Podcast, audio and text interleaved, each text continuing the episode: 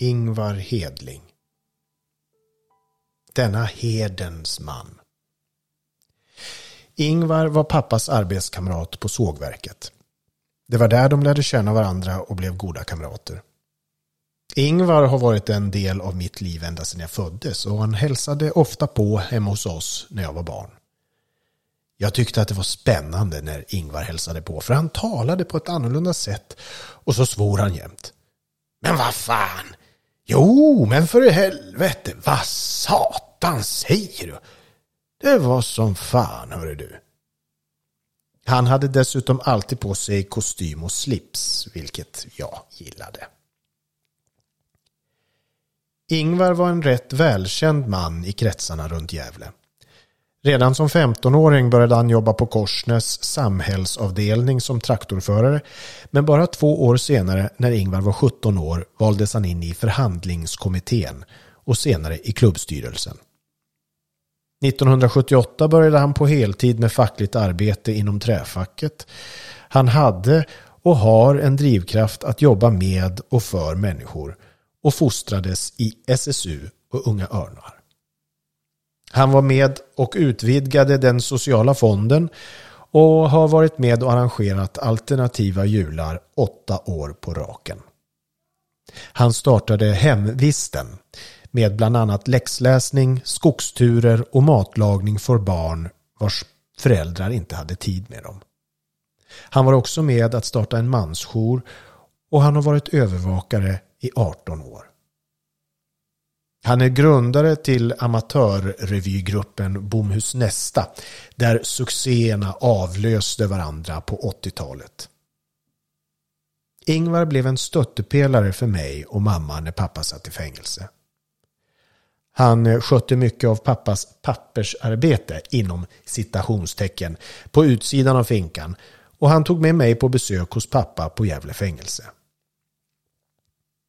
Ingvar denna vithåriga klippa till man som var godheten själv.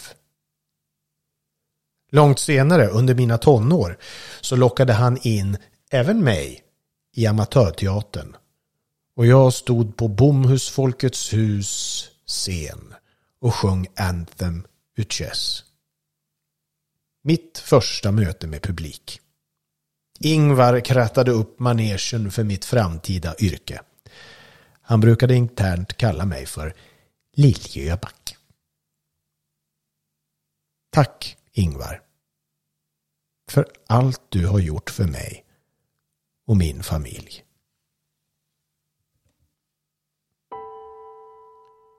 Nittonde i första 1987. Glenn, min vän. Jag hörde att du pratat med Ingvar och att du ville att jag skulle hamna nära dig så att du kan hälsa på mig. Jag blir så glad över det så du kan aldrig tro. Jag vet ingenting ännu, men jag lovar att du ska bli den första som får reda på det när det händer. Så fort jag har tillåtelse att använda telefon så kommer jag att ringa till dig. Och när jag kommer hem så har vi mycket prat och bråk att ta igen. Vet du? Cigarettändaren som du hittade och som jag fick. Den har jag fortfarande kvar ännu. Och det är mycket gas kvar än. Den är jag väldigt noga med att jag inte tappar bort. Jag tänker varje dag. Undrar vad Glenn gör nu? Och så försöker jag tänka ut vad du håller på med. Inne och leker lite med Leif och Benny. Bråkar med mamma för att du inte vill ha handskar på dig. Bråkar med mamma för att eh, hon inte får sitta i sin snurrfåtölj. Läser läxor. Äter kvällsmacka. Sitter på toa med 50 tidningar på en pall eller ropar på mamma att hon ska komma med 50 tidningar. Slös där. Jag tror att jag har glömt att skicka in prenumeration på Kalanka. Men eh, det gör jag så fort jag kommer hem. Kramar och pussar. Pappa. Den där helgen när det var så kallt i pappas lägenhet så att jag ville åka hem till mamma som jag berättar om. Den helgen förändrade våra liv för alltid.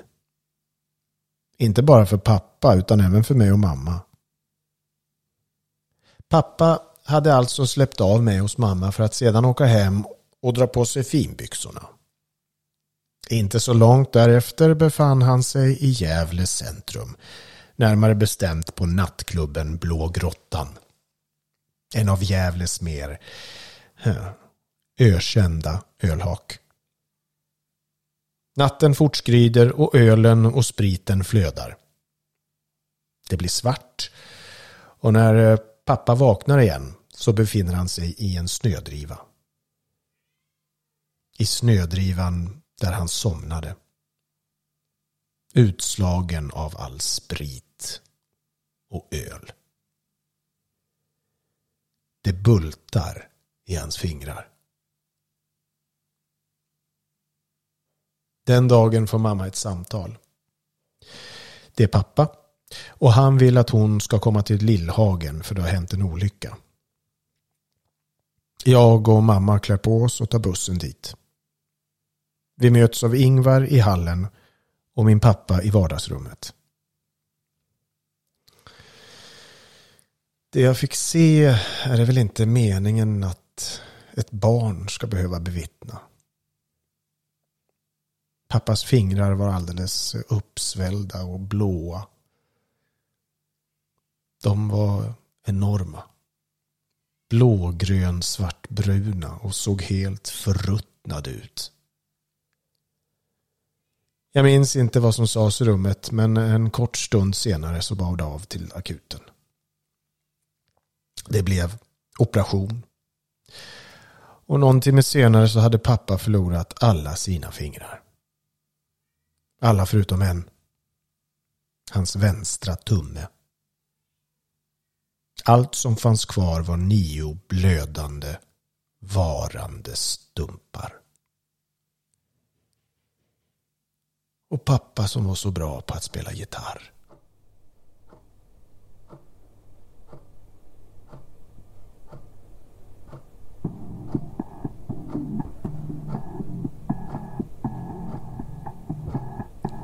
Åttonde i första 1987.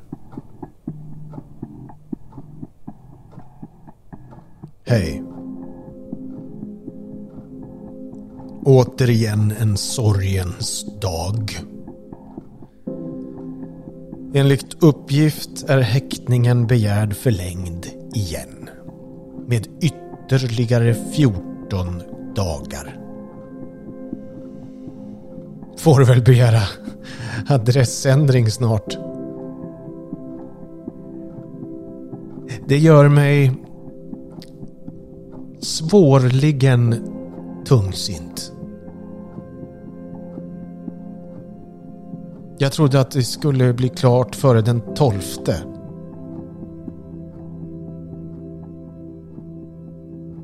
Det tar emot just nu. Pigg som en mört på nätterna och som ett vrak på dagarna. Får jag, får jag inte sova ordentligt snart blir det kris. Jag försöker just nu, samtidigt som jag tänker och skriver, få en glimt av yttervärlden genom persiennerna. Men eh, de är fällda i en sån knepig vinkel som man får sträcka på halsen som en trana och sen dra tillbaka den igen för att man ska få en enhetlig bild. Jag kan nog tjänstgöra som periskop i ubåtsflottan sen. Men även där går man ju på minor. Jag vet att eh, Bosse försöker få fotfäste i min lägenhet. Han har låneböcker där, säger han. Han kanske försöker få dig skaffa fram en nyckel genom mig, men han har inget där att hämta. Ifall han har några grejer kvar så kan han vänta tills jag kommer ut igen.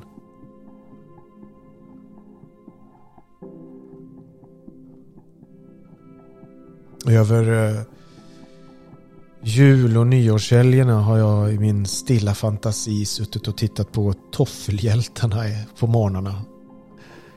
Ja, tillsammans med Glenn förstås. Vilken bra musik. Det är en som har fastnat i skallen på mig. Det är den där lilla spöktjejen som sjunger. Jag vill njuta varje stund. Eller något sånt.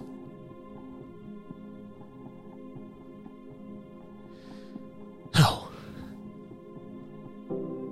Jag blir eh, tårögd.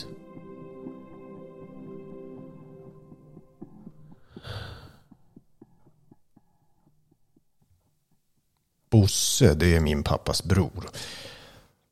Han var också en riktig buse. Liksom min pappa var han en harmlös sådan. Men han var galen. Ja, alltså på riktigt knäpp i skallen. Inte på det sättet så att han blev våldsam eller så, men han hade inte alla hästar i stallet. Han samlade på sig prylar, samlade på allt han kunde komma över. Letade saker i sopcontainrar och så vidare. Han bodde på mystiska platser, gärna i skogen, där han för övrigt också arbetade med skogsskövling. Han var en riktig enstöring. Tandlös var han också och använde löständer som han brukade ta ut och lägga på bordet framför sig när han skulle äta. Att lyssna på Bosse när han åt bruna bönor var som att lyssna på ett par stövlar som försöker trampa igenom ett träsk. Jag brukade sätta mig bredvid honom när han skulle äta för jag tyckte det var så fascinerande att titta och lyssna på detta spektakel. Han skulle inte platsa på en finare middag. Han var i sina unga år en student med högsta betyg. Efter examen bestämde han sig för att ge sig ut på sjön. Han hade förutom sina studier även skaffat sig skepparexamen. Han hade hela världen som sin arbetsplats och seglade runt hela jordklotet. Han träffade en kvinna tidigt i livet som han gifte sig med. Problemet med det äktenskapet var att hon misshandlade Bosse. En gång slog hon en stekpanna i huvudet på honom. Pappa säger att det var då som Bosse förlorade förståndet och gick in i sin egen lilla värld. Skilsmässan var ett faktum och Bosse levde vidare som enstöring. Han hade ju såklart sina vänner och sin mamma Anna, min farmor och sina bröder Roger och Ulf. Han bodde långa perioder hemma hos min farmor eftersom han var hemlös ibland. Pappa och Bosse. Vilket radarpar. När pappa förlorade sina fingrar så fick han en stor försäkringspeng på ett par hundratusen kronor, vilket var mycket pengar på 80-talet. Pappa och Bosse fick en snilleblixt för vad pengarna skulle användas till. De skulle bli Gävles och Hälsinglands nya knarkbaroner. Den här historien gick, som så många andra, käpprätt åt skogen. Inte bara bildligt talat, utan bokstavligt. Den historien återkommer jag till. 13 i första 1987. Klockan 19.27.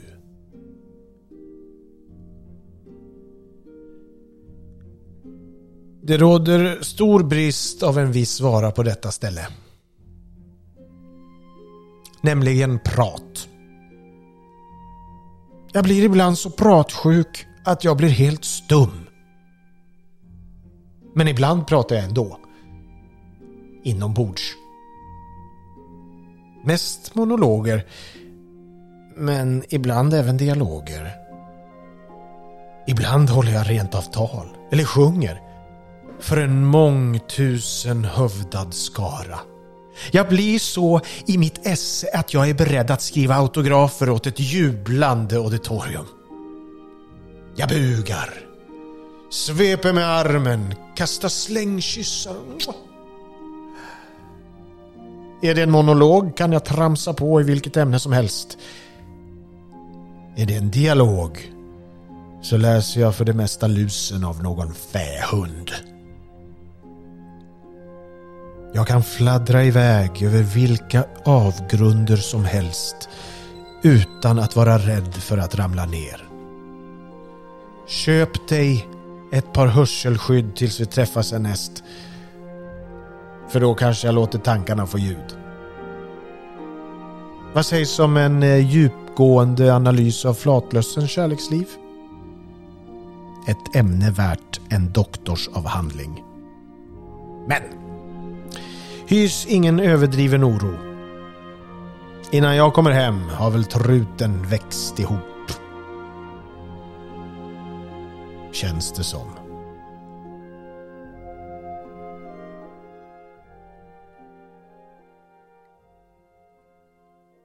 Glenn. Jag har en helt ny historia som jag har sparat åt dig tills jag kommer hem. Jag har skrivit ner den på papper med min kulspetsbanan. Jag längtar efter dig så att jag kan bli sjuk. Då brukar jag tänka på något kul som vi har haft. Som eh, när mamma slog sig på fingret med hammaren. Det piggar upp mig. Puss och kram. Pappa. Om det var någonting som min bästis Robert var bra på så var det hyss. Han hade alltid tändstickor på sig och han kunde alla svordomar som fanns i ordboken. Han hade vetskap om sånt som var förbjudet för barn och det är ju sånt som barn uppskattar extra mycket. Han var den som lärde mig att säga kuk. Ja, eller han försökte lära mig att säga kuk. Jag kunde nämligen inte säga ordet. Jag försökte verkligen. Men det var helt omöjligt att forma ordet i min mun. Robert ljudade och bad mig att härma honom. Men det var fullständigt lönlöst. Jag var helt oförmögen att säga det. Det gick bara inte. En annan gång var vi i den närliggande skogen och lekte med hans tändstickor. Det slutade med skogsbrand och att brandkåren kom. Ingen fick dock reda på att det var vi som tuttat på. Vi gjorde allt som man inte fick göra. Vi lekte nere i båthamnen med risk för drunkning. Vi lekte vid järnvägsspåren med risk för att bli påkörda.